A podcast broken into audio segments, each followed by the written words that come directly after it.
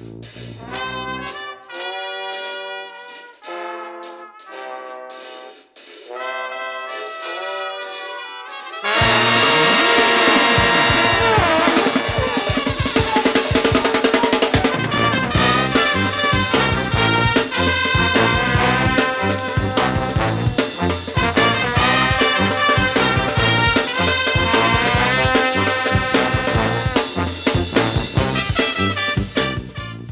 a chroeso i benod 11 o Ysbeidio Heilog gyda fi, Lee Jones. A fi, Llwyd Owen, lle byddwn ni'n rhoi'r sylw i'r pethau bach sy'n neud gwahaniaeth mawr i ni yn ystod y cyfnod hollol honco hwn. Ie, yeah, wir. Diolch yn fawr i chi am rando.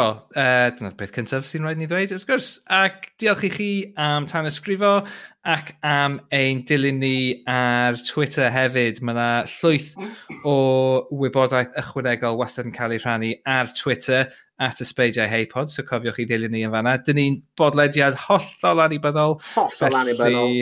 Dyn ni yn hollol ddibyniadwy ar eich cefnogaeth chi, boed hynny trwy rhannu neu hoffi ein gweithgareddau ni ar y cyf cymdeithasau cyfryngol. Ie, yeah, dim dyna beth yw e, ond na ni, move on. Ar y cyfryngau cymdeithasol. O'n i'n neud yn dda, o'n i'n just, o'n ti'n gallu gweld, oedd y cogs yn troi amser maith cyn i fi cyrraedd diwedd y frawddeg hynny. Ond nes i gyrraedd y diwedd, so yeah, ar y teg i fi. Mae pawb yn gwybod beth i'n meddwl. Um, yeah. Fyswn ni yn hoffi ychwanegu, er bod ni yn, um, yn anibynnol a does na ddim fath o hysbysebion a dim byd. Os, os oes rhywun allan, allan sydd eisiau er, noddi ni a mm. mo, rhoi arian i ni i fath o hybu a hyrwyddo i cynnyrch nhw. Ni, ni, ni dafflu'n agored i hynny, ydyn ni, Lee? O oh, ie, yeah, achos mae ma hwn yn costio arian i ni. Dych chi'n gwrando ar hwn am ddim, ond mae hwn yn costio arian i ni wneud. Falle, falle mae llwyd o fe dde, falle dylwn ni edrych arno fe fel clwb i'r ddau ohonyn ni siarad efo'n gilydd, a dyn ni jyst yn talu subs bob wythnos. Ond, uh, yeah. what it is. Mae yna Mae yna overhead. Mm-hmm. Dwi ddim, dwi ddim yn lot, ond fysa yn dda os oes, uh, os oes rhywun eisiau cyfrannu. Mae hwnna'n desperate nawr yn e? diwe. Andy, please, right, please. Amser symud ymlaen. Llwyd, Be sy'n digwydd yn y benod yma? Wel, Lee, yn ymuno gyda ni ar y benod hon mae wyneb cyfarwydd i wylwyr Hansh a Stwnsh Sadwrn. Cyflwynydd newydd Spondonics, sioe frecwas bore dydd Sul, Radio Cymru 2 ac enillydd cystadleuaeth ceg mwyaf crymych 2018. Croeso mawr i'r pod i mi Mirain Iwerydd. Hello, diolch am gael fi, hi. oh, diolch i ti. A sori am just gweud celwydd am y ffaith bod ti wedi ennill y gystadleuaeth yna. Dwi, ddim yn bodoli. O'n i'n credu, hynna. just, just ymateb ti'n gymryd. O'n i ddim yn, ddim yn gwneud sylw ar, ar maint y geg ti. Uh... na, na, dim. Dim yn llythrenol. I fod yn dig, o'n i'n gwrando yn ôl y sioe radio fi. Dwi yn swnio'n very crymych, so mae'n ffain. Dwi'n ddim yn beth gwael. Yn union. Just, yeah. Na so Mirain, um, i ddechrau neu i ffwrdd, um, beth yw dy hoff gaws ti? Pa fath o gaws sy'n mynd mewn i'r ceg hynny? Wel, dwi'n bach yn boring, um, just brie, French brie, dwi'n really fan o brie. Mm, un o mm, gofidiau, yeah, un o gofidiau mwyaf fi a dad fi gyda o Brexit bydde, wel sgil effaith Brexit, bydde'r ffaith falle bydde cyflenwad French brie ni'n cael ei effeithio. Ie, yeah. yeah, wel falle, falle byddwch chi'n cael um, fersiwn Prydeinig yn ei lle, yeah, fel ma... brai neu rhywbeth oh. Brian nice, cheese. Yeah, nice, nice wheel of Brian. Mm, delicious. Mm.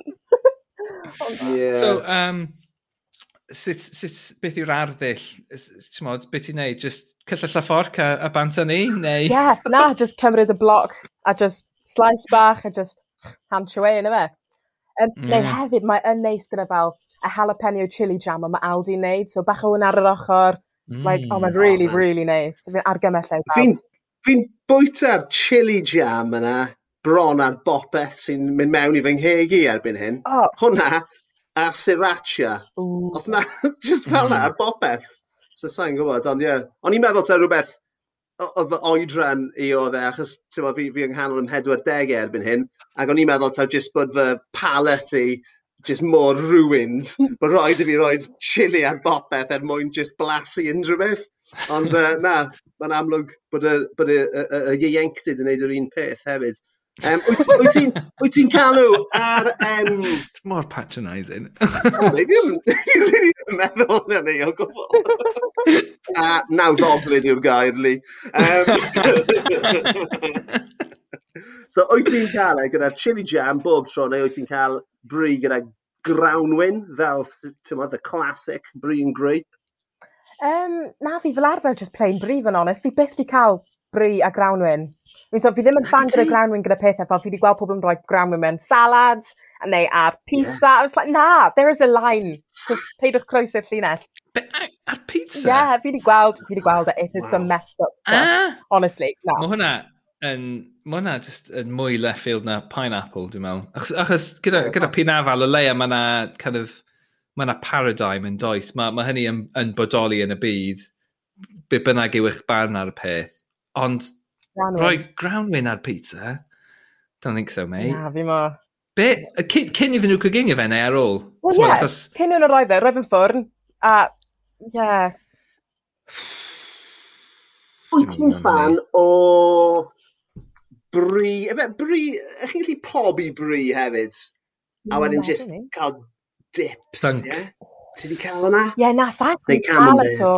Na, fi ddim yn fan o mm, camembert, actually. Dyma pam dwi ddim yn fan. Fi'n meddwl gallu ti wneud yr un peth gyda bri, ddo. Mm. A reckon gallu ti bobi y bri a just, just dips wedyn ynddo fe. Fi'n mynd rai alw na. Oh, ond fi yn lefo bri, ddo, right, mewn panini gyda cranberry sauce yeah. a bacon. Just classic. Hmm. Yeah. Can't go wrong yna fe. Nawr ti'n siarad am bri ffrenig. Yeah. Ond fi jyst wedi, fi jyst wedi edrych yn hynna, a ti'n dod o grymich, a dyw cenarth ddim yn bell, ydy fe? Na, a ti'n gallu cael, mae ma, ma caws cenarth yn neud bri. Wel, dwi ar student project, so, all right. So ti'n gallu cael bri dwi ar teulu budget, alright? So, na, o'n i'n gweud wrth yna, dwi'n dod ar y podcast, a oedd e fel, ie, wel, Merain, dwi'n French bydd mewn mwyn i fod yn ddigon, fel, fe rhaid ti gweud bod ti'n beth ar y fath o fancy caws, fel, o caws ten ar ddyn o beth, dwi'n fel, bod ti ar yna? Caws ten, Mae dy dad i'n gwybod am caws cerdd, bri cerdd, mm. ond ie, yeah, lovely. A fel myfyrwraig, faint o, ti'n gaws sydd ti'n gallu afforddio? Uh, dim lot, actually, achos mae caws yn ddri. Dyna beth wedi sylweddoli ers mm. bod yn student. Mae caws yn extortionate. Mae'n man i fi ddim mas o prynu bywch a prynu fel churn a be bynnag yeah. sy'n angen i ti wneud. I mean, mae digon o, o ddan yn crymych. It just, mae'n ein y car yn ddim. Fel e, o'r car, yeah. rhoi fe'n fan dad fi, bach o, o borfad i ni mas yn yr ar. Sorted.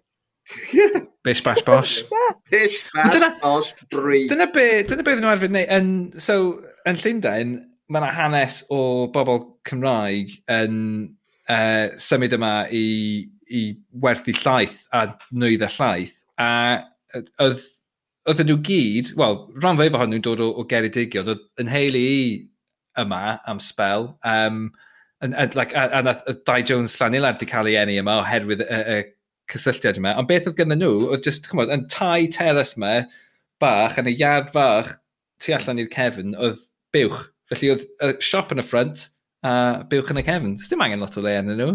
Hashtag just angen... godro. Ie, yeah, just yeah. angen godro dwywaith y dydd. Sort of. E. Mae'n tynnu. Agor a siop. Crafty Mini, mae'n palu student loan, loan off rhywsyd, a fi'n siŵr bod yna YouTube tutorial am siwrt mae godro bewch. Yn union, ie. A, a ti'n gwybod beth, ti'n gallu pitio hwnna i Hans hefyd. They'd be all over it. Me Ryan yn godro. That's all we need, man. That's it. Mae ma Crymych yn amlwg yn, uh, yn, yng nghefn gwlad Cymru ac yn ardal amaethyddol iawn. So, wyt ti, os gyda ti brofiad y maes godro? Na, gos na, fi byth di gweithio'r ffarm yn y mywyd i, ond mae dy ci fi'n ffarmo, so y Jameses fel ffermwyr o'n nhw i gyd, mae dad fi jyst i penderfynu fel, na, ddim yn mynd i gadw hwn ymlaen, fi'n architect yn lle. So, pan, pan y gadael yr ancest i fi di lawr, really. Oopsies, ond... Well, ond... Dim, just yeah, dim y chwant yna godi lan fel pedwar glwch bore mas yn mwd a godra. Just... No way. Ar, ar ffordd edolig hefyd, ti'n bod? Does dim, ti'n bod, does dim gwyliau. Ie, dyma Lee yn lle, yn goffa dyn o lan gyda merch dwy oed e ar bod y dyn edolig. So, mae hwnna'n wath, I reckon. Ie, yeah, le dwi ddim yn gorfod godro hi. um, OK. Gobeithio bod ti ddim yn.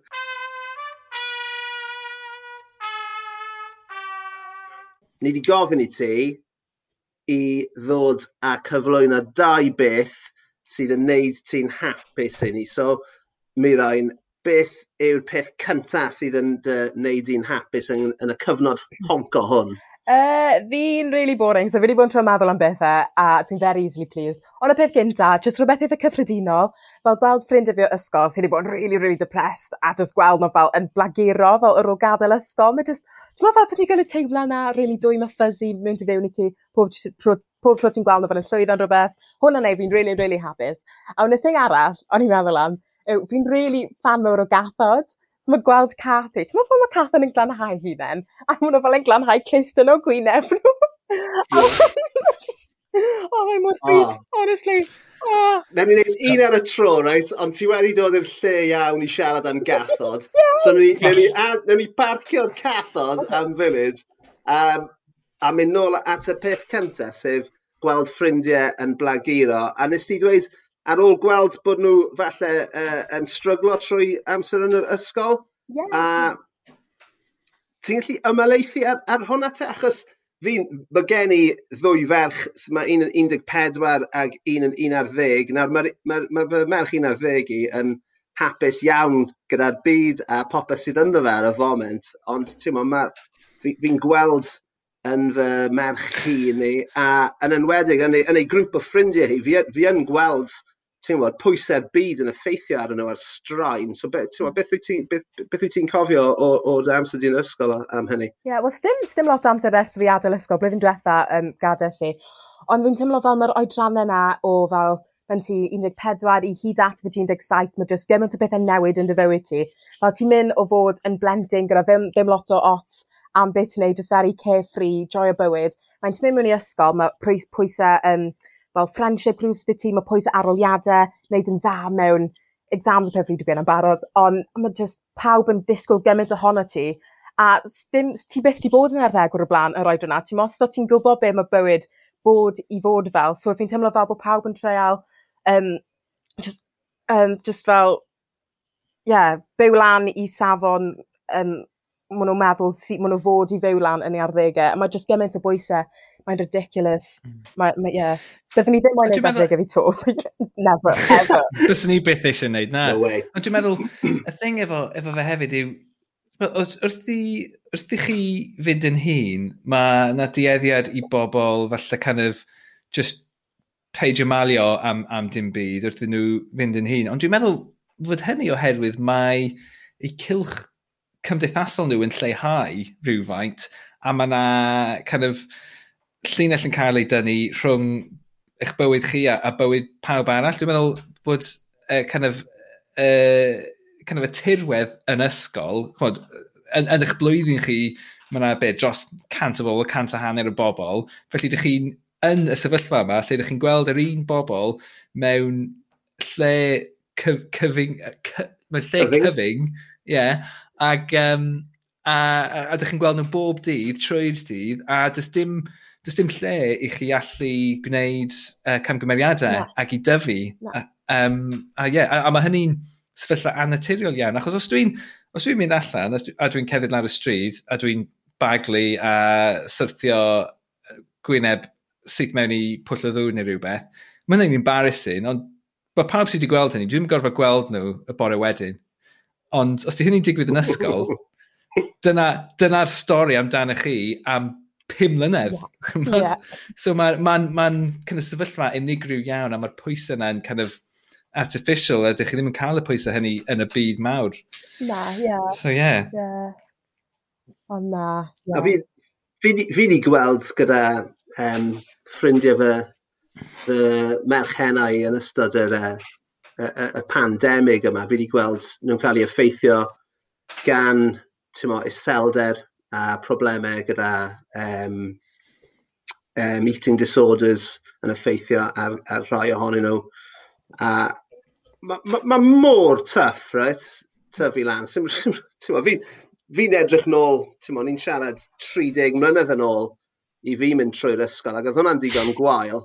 Ond um, os o'ch chi yn cael amser gwael yn yr ysgol, right, yn y 90au, am dri o'r gloch, o'ch chi'n mynd hmm. gartre mm. o'r ysgol, A o'ch chi ddim yn gorfod meddwl, falle bys chi'n meddwl amdano fe, o'ch chi ddim yn cael eich effeithio gyda fe tan 8, tan wyth y bore wedyn.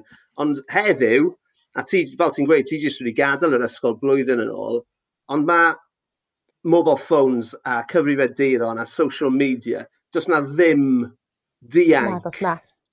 Mae'r ma, ma bwlio neu'r pwysau yna yn dilyn chi i mm. bob man yn dywe.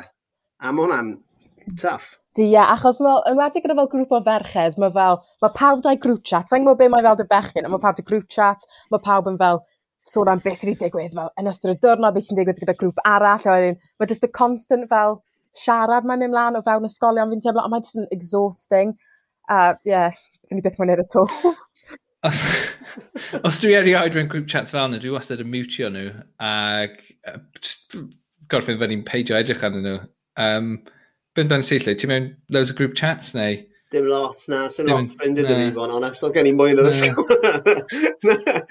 Na, na. Fel, fel ti'n gweud, fi'n meddwl, wrth bod chi'n mynd yn hun, fi'n meddwl bod chi'n gallu bod yn mwy dethol a, a, a falle bod chi'n fwy parod i adael fynd o ffrindiau sydd yn falle'n ychydig bach yn toxic neu sydd mm. falle, mm. Mo, sydd, sydd falle ddim yn, yn, yn yn cyfrannu mewn ffordd gadarnhaol eich bywyd chi, lle amser chi, fel ti'n, fel ni gyd wedi gweud yn barod, yn yr ysgol, chi'n chi, n, chi gweld nhw eto fori a fori a mm.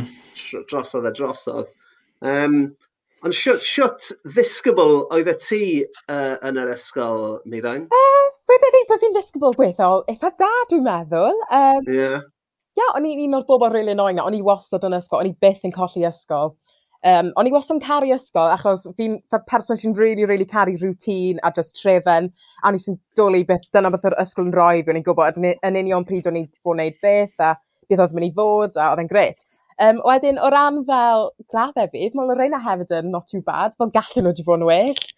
Um, ond dyna ni, mae A-levels fi dy fi, GCSEs fi, so mae'n ffain.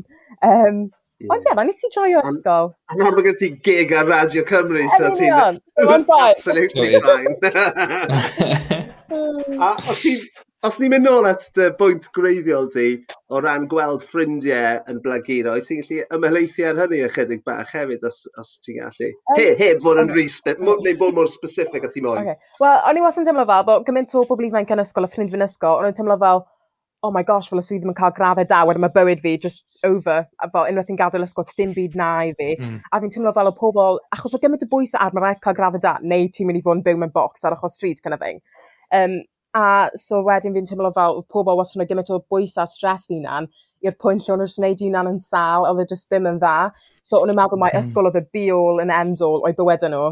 Um, a fi'n teimlo fel o adael ysgol, nath e wneud i lot o ffrindiau fi sylweddoli, wel, hei, mae yna ma fywyd ti hwnt i ysgol. Mae yna gymaint mm. o hmm. bethau anhygoel yn y byd na i, i bobl sydd ddim yn ddibynnol ar eich graddau chi neu beth chi wedi gael yn maths ty gau. Fel, fi'n absolutely hopeless yn mathemateg a oedd yn athrawes mathemateg i wastad yn gweud, wel, ei di ddim i'r brifysgol heb cut yn mathemateg. Ges i beth y cut yn mathemateg achos just rhywbeth, just ddim, ddim yn gweithio i fi. Ond ei ho, fi ar Adre Cymru a fi'n y brifysgol. So, dyna ni. so, so, fuck you, miss. Yn mynd o, mae yna bwynt difrifol fan hyn hefyd, achos fel, fel ti eisiau wedi gweud, yn amlwg dwi'n heb newid ers i fi fod yn yr ysgol 30 mlynedd yn ôl, oedd y pwysau yna, oedd e fel, oedd y neges yn dod ar draws i'r plant ac i'r disgyblion bod, bod rhaid i chi lwyddo mm. gyda, gyda tygau a gyda lefel A. A fel y ti'n gweud, mae'r pwysau wedyn yn dod arnoch chi a chi'n teimlo o dan straen. Ond y gwir yw, mae lot o'r plant drwg oedd yn yr ysgol gyda fi wedi mynd mlaen i fod yn llwyddiannus tu hwnt a'r plant nath ddim llwyddo'n academaidd. Achos wrth gwrs, dyw pawb ddim yn academaidd, right? Yeah. Mm. So, ti'n mo, fi'n, un o'n ffrindiau gosau, uh, shout out i Finchi, um, ti'n mo, nath e wneud llanas llwyr o'i lefel A, eh? Ond erbyn hyn, fe, fe si, mae fe jyst wedi redeg ymgyrch marchnata uh, cyfrifiad dros y y, y, y Deyrnas Unedig, right? So, so, so ti'n bod, so, so mae'r neges yma, fi'n meddwl, a mae'n dod wrth yr ysgolion, yr athrawon, ag wrth rieni, yn dwi? E? Mm. A, a, a, a fi'n meddwl, fel rhiant nawr sydd gyda, bydd, bydd, bydd y merchennau yn, yn, yn neud i tygais i, neu bydd yn dechrau arnyn nhw o ddifri blwyddyn nesaf, a'r, nege, a'r neges ni yn rhoi ar draws i ni fel rhieni fi, Elisa, yw, So, it's not the end of the world os ti'n ti ffac o lan. It's not. Mm. Dwi ddim. Ti'n gallu ail wneud nhw. Yeah. Tewa, a i fod yn deg, edrych ar Finchi. He's doing all right. a hefyd, fi'n teimlo, o'n i wastad gormod o ffocws ar bethau academaidd, oedd fel, ddim byd fel, o'n nhw pwysio am fel pethau credigol, fel drama neu cer, fel, i fi, mm. o'n i byth yn gweld hwnna fel, fel gyrfa posib bod yn gallu mynd i wneud. So nes i ddim drama yeah. tygau neu unrhyw beth fel la, ond fel fi yn kind of yn y diwydiant yna. A hefyd, o just y system academa, just yn absolutely crysio unrhyw fath o gredigrwydd a cariad at gredigrwydd o'n i'n ffind o'n ysgol. Achos oedd yr ysgol eisi mm. i, mm. oedd gymaint o ffocws ar pethau academaidd. A ie, yeah, oedd e just, oedd e, yeah, oedd e just yn fel crysio'r spirit mas o blant. Oedd e really yn. Yeah. Yeah, Ti'n hollol iawn. Ac eto, ti'n ma, ddim i fynd mlaen amdano fe, mae'n swnio fel bod dim byd wedi newid mewn mm. 30 awd, mm. sydd yn, yeah. sydd yn dor cael onest, braidd.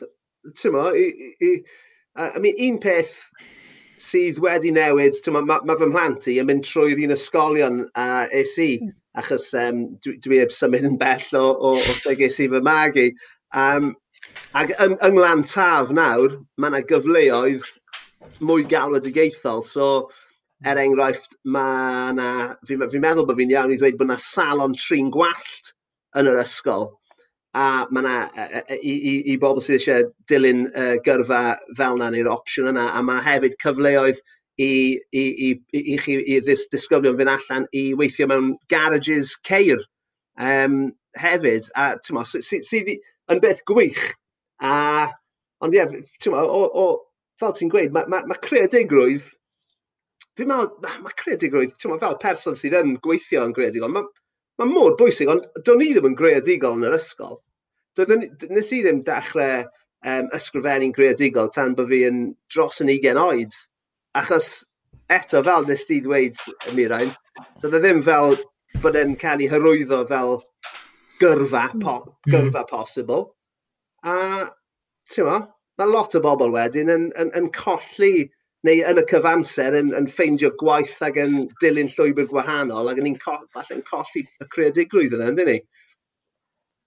Os na, os na diffyg role models falle um, i, i bobl gwneud pethau creadigol yng Nghymru? Oes. A er enghraifft, rhywbeth arall na i ddweud, right? just, just, sorry, fi'n ranto, and there we are, that's, that's me. Um, do, so, so, is i glantaf, mae fy mhlant i'n mynd i glantaf, mae, dwi'n adnabod athrawon yn glantaf, dwi'n glantaf byth wedi gofyn i fi i fynd mewn i siarad gyda y chweched sy'n mm. sy astudio Cymraeg mm. a sy'n astudio fy llyfrau, mm. Pam? Ie, yeah, na. Os ydych chi'n chi gwrando glantaf, uh, cysylltwch â ni at ysbeidiau yeah. heipod. o, mae hwnna'n ridiculous, nid yna? O, dwi'n.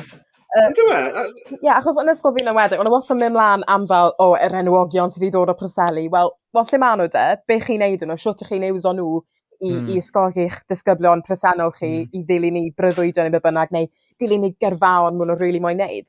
So, mae just, ie, yeah. fi ddim yn deall.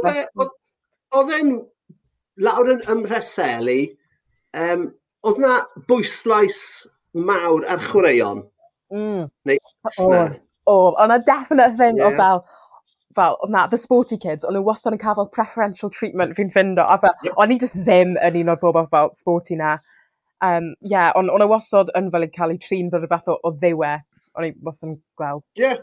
A, a, a, mae'r ma un peth yn wir a, a, sy'n a, mewn i'r i'r uh, i'r coridor lle mae'r swyddfa bla bla bla.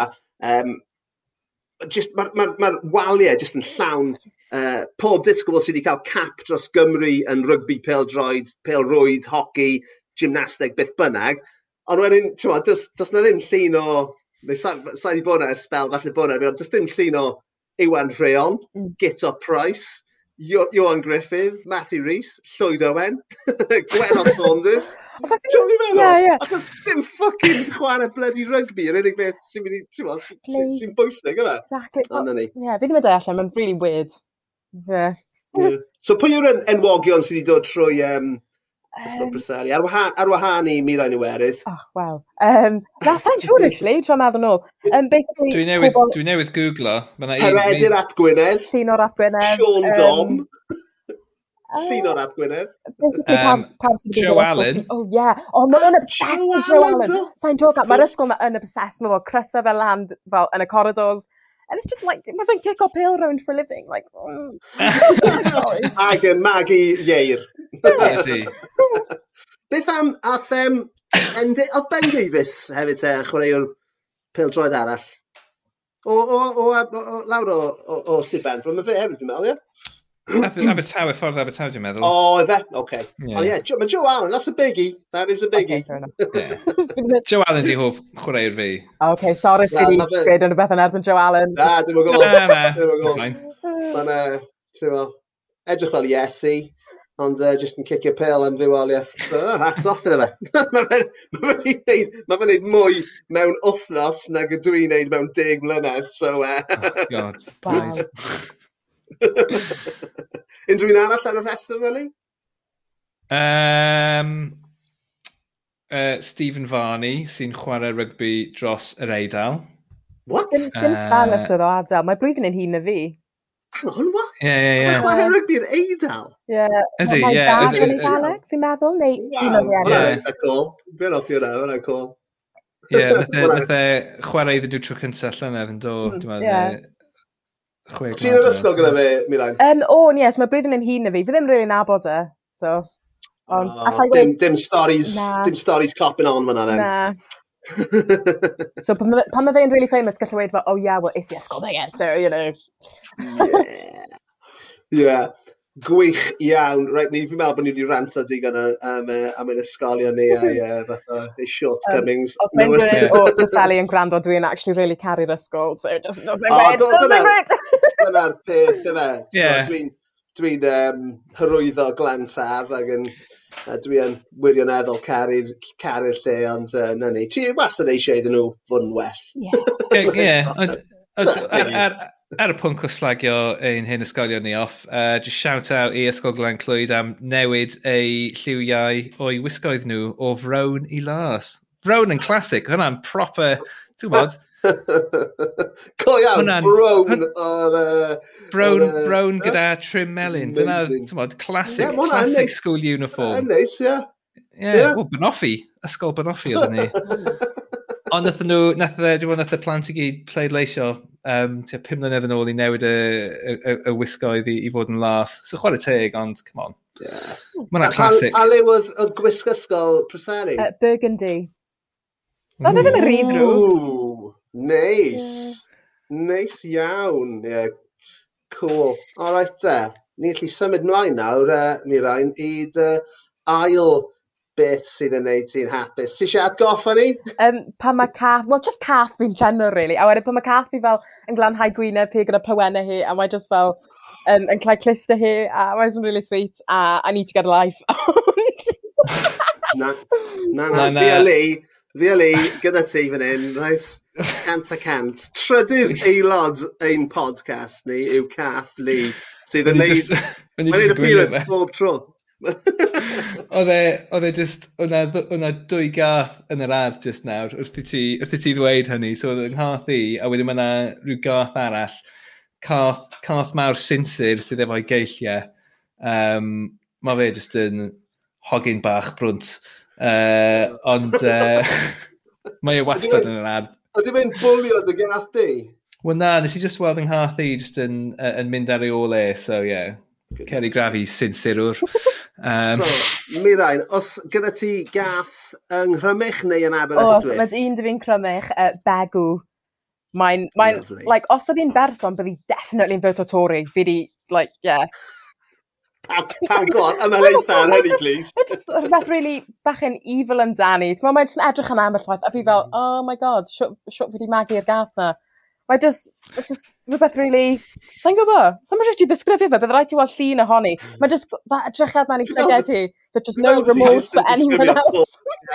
Uh, so be, Be mae fel, pa, pa liw yw hi? Uh, mae'n diagwyn gyda llyged fel really, really gwyrdd eitha llachar. Mm. Um, mae'n hanner Bengals, mae'n eitha fel slim and very shiny. Mm. Yeah, Ond yeah, yeah. mae, mae yn beautiful. Mae Bengalis yn gorgeous mm. o gathod yn dyn nhw.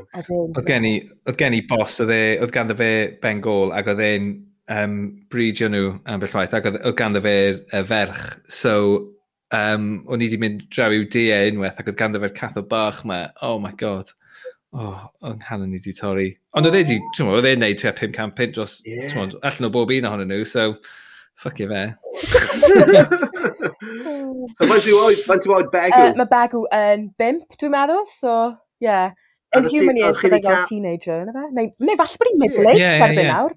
Actually, that's e yeah, bron, yeah, bron iawn, bron iawn, yeah. yeah. So, oedd yng Nghathi yn saith ti am mis yn ôl. Ti'n gwybod, pryd di pen blwydd i gael chdi? Uh, o'n i tra gweithio mewn mas heddi, actually, sy'n really bod. Um, rhyw bryd yn hydref. well, achos, achos o'n i ddim yn gwybod, ond nes i um, updateio y uh, wybodaeth am y chip mm. fel bod e'n di cael ei cyfrestru i ni. Ac uh, oedd hi ben blwydd arno fe yn barod. So, uh, so yeah, dechrau mis gorffennaf. so yeah, mae'n ma nghath i newid droi'n saith. A, a dyna'r turning point i gathod, apparently, achos mae'n bwyd arbennig i math mynd nhw'n troi'n saith yn does. Ie, yeah, felly mae yna ma low, lower calorie yw e. Dyna beth yw, dyna'r unig beth. Ond, um, yeah, ond mae wedi bod yn hela loads yr wythnos yma nes, nes i ddeffro pedwar gloch o bore nos yn y blaen, achos oedd e'n gwneud sŵn tu allan, o'n i'n meddwl oedd e wedi brifo neu rhywbeth. Ac uh, nes i fynd lawr grisiau, ac ganddo fe sparrow bach yn ei geg. Pedwar gloch, oedd e'n dywyll. Ac oedd e'n pedwar gloch yn y bore, oedd e wedi dringo mewn i nith yr adan me a, a tynnu fe allan. So, not very sportsman-like, ond... Uh, Ie, yeah, chwarae teg. Psycho. Ie. Yeah. Yeah. yeah. na, mae'n ten ddigwyddiad aml yn tîm i, newn ni just Mae merchi'n crio. Wel, mae jyst wedi clywed y anecdote di am y gath yn lladd yr uh, aderyn. Yo, Lee! Sorry. Oedd hi'n creu am spel, oedd hi'n really upset. Rhaid oedd hi'n mynd am ages cyn i fi sylwi. Yw hi'n oce nawr? Ydy, ydy, mae'n ffain.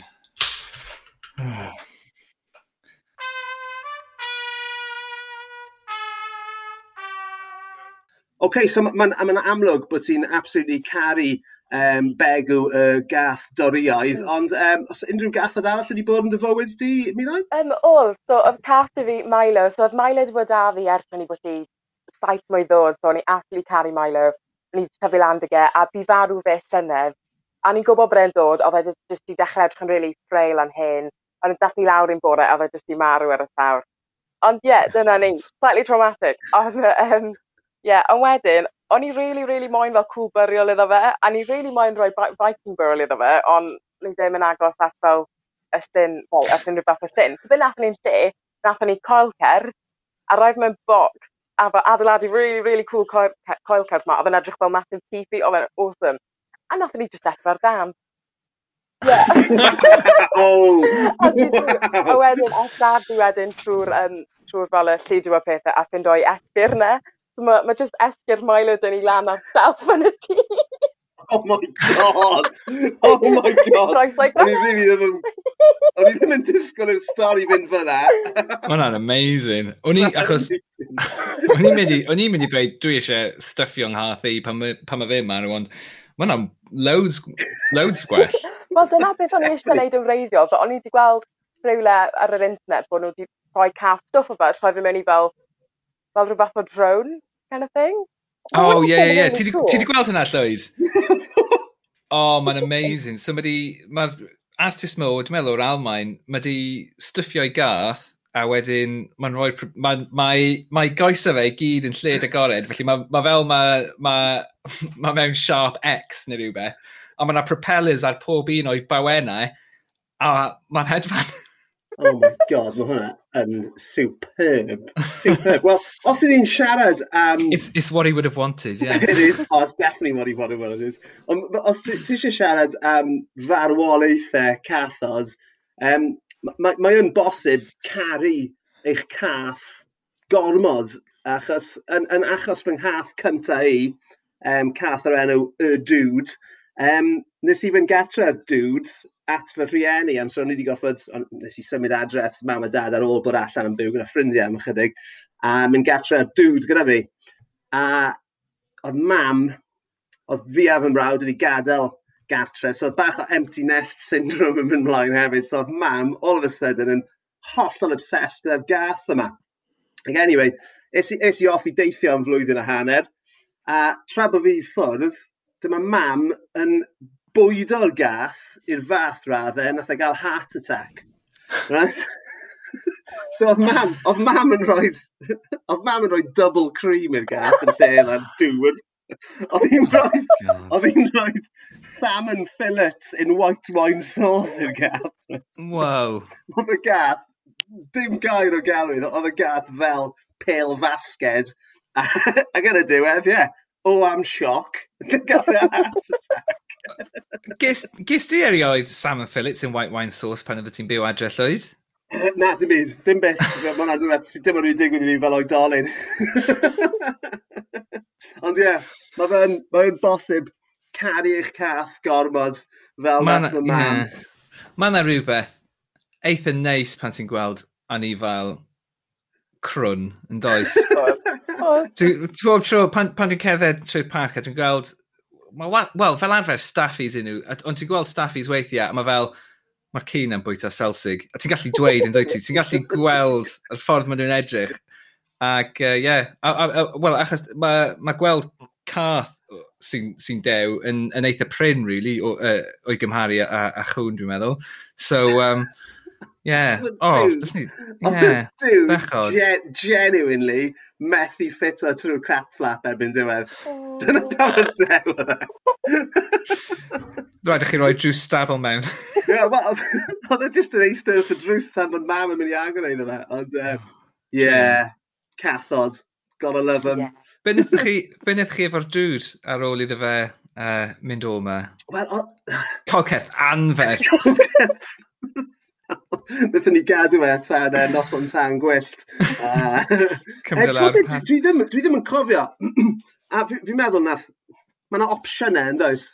Uh, e, amser ti, amser mae fe'n marw a chi'n mynd â fe at y vet. Fi'n meddwl nath y mam fynd â fe at y vet a wedyn mae'r vet yn rhoi opsiwn o fel, newn ni just taflu hmm. fe yn yr incinerator am tenner. Gallwch chi gael um, mixed ashes nôl am gant neu gallwn ni llosi fe ar ben ei hunan am fel mil o bunau, so mam jyst wedi mynd, mil o bunau, cymerwch nhw fe arian. God, yeah. fysyn ni'n, fysyn ni'n, um, fysyn ni'n hesitatio i wario hynna just ar, ar bil yn y mil feddyg, os oedd e'n sal.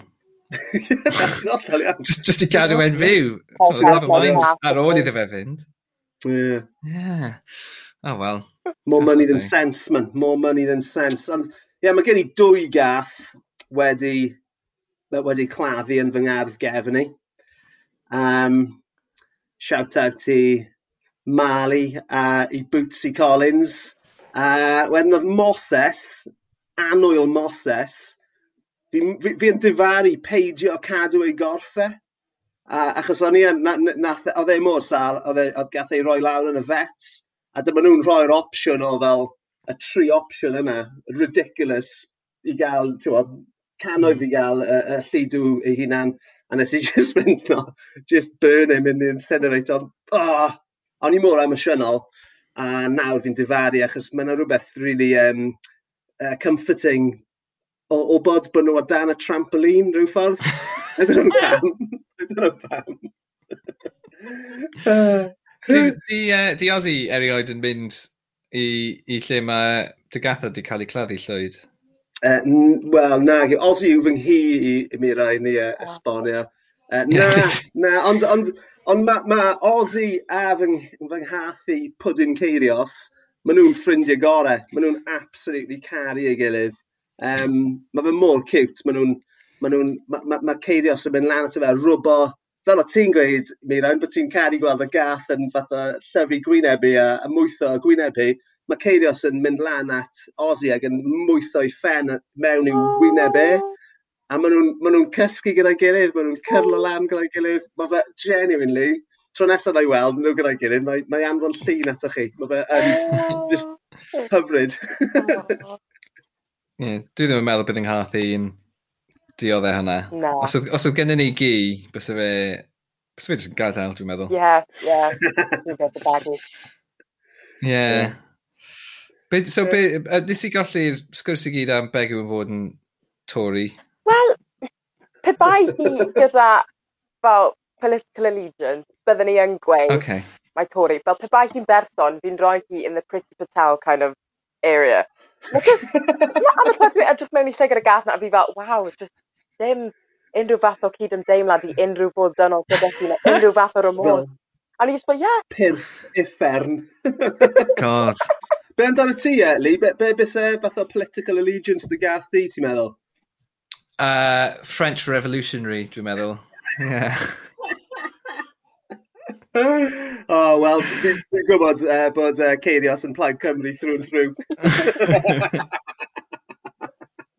O, oh, superb. A mi'n gallu ni um, siarad am gathod, am ein cathod, am, am oriau fi'n gwybod, ond hmm. um, mae gennym ni bethau arall i wneud. So, um, Miran, cyn, cyn bod ni'n uh, yn ffarwelio, um, os gyda ti unrhyw beth i, i ti eisiau plygio? Um, I suppose, mae'n ni plygio'r sioe radio sydd fi. So, um, fi sy'n cyflwyno'r sioe brecwast ar beth Bydd Radio Cymru 2, bob bore syl o 7 tan 10 o'r gloch a fyddai neu hwnna dros yr haf i gyd. So, os chi yn gallu um, rhoi lan gyda clywed llais i am tair awr, gwrandewch! Siw bod nhw. Ac wrth gwrs, mae fe ar gael um, i rand arno Uh, Sym rhaid i chi godi am saith o gloch ar bod i syl yw'r pwynt fi'n treol wneud, achos uh, nes i rand ar y sioe ar brynawn dydd, uh, dydd mawrth, a oedd e'n gret, oedd e'n rili mwynhau. So, um, yeah, diolch, just, diolch i ti yn, am gadw cwmni i ni a pob lwc gyda popeth ac fe welwn ti o gwmpas ar ein teledus ac ar ein radios ni fi'n siŵr dros y blynyddoedd. Uh, diolch fili ti, Meirin, a pob lwc gyda popeth. Nice one, diolch yn fawr am gael fi.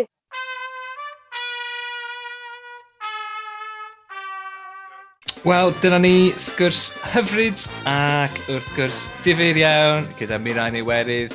Uh, dyn ni yma, nôl yma mewn wythnos fel arfer. Felly, yn y cyfamser, cofiwch i dan ysgrifio, cofiwch i rannu, uh, gadewch adolygiad os ydych chi eisiau gwneud ar iTunes ac uh, dilynwch ni ar Twitter at ysbeidiau hei pod. Uh, unrhyw beth arall eisiau ychwanegu llwyd? Uh, na, dim really, just uh, diolch i chi am rando a cadwch i wneud hynny. Lovely stuff.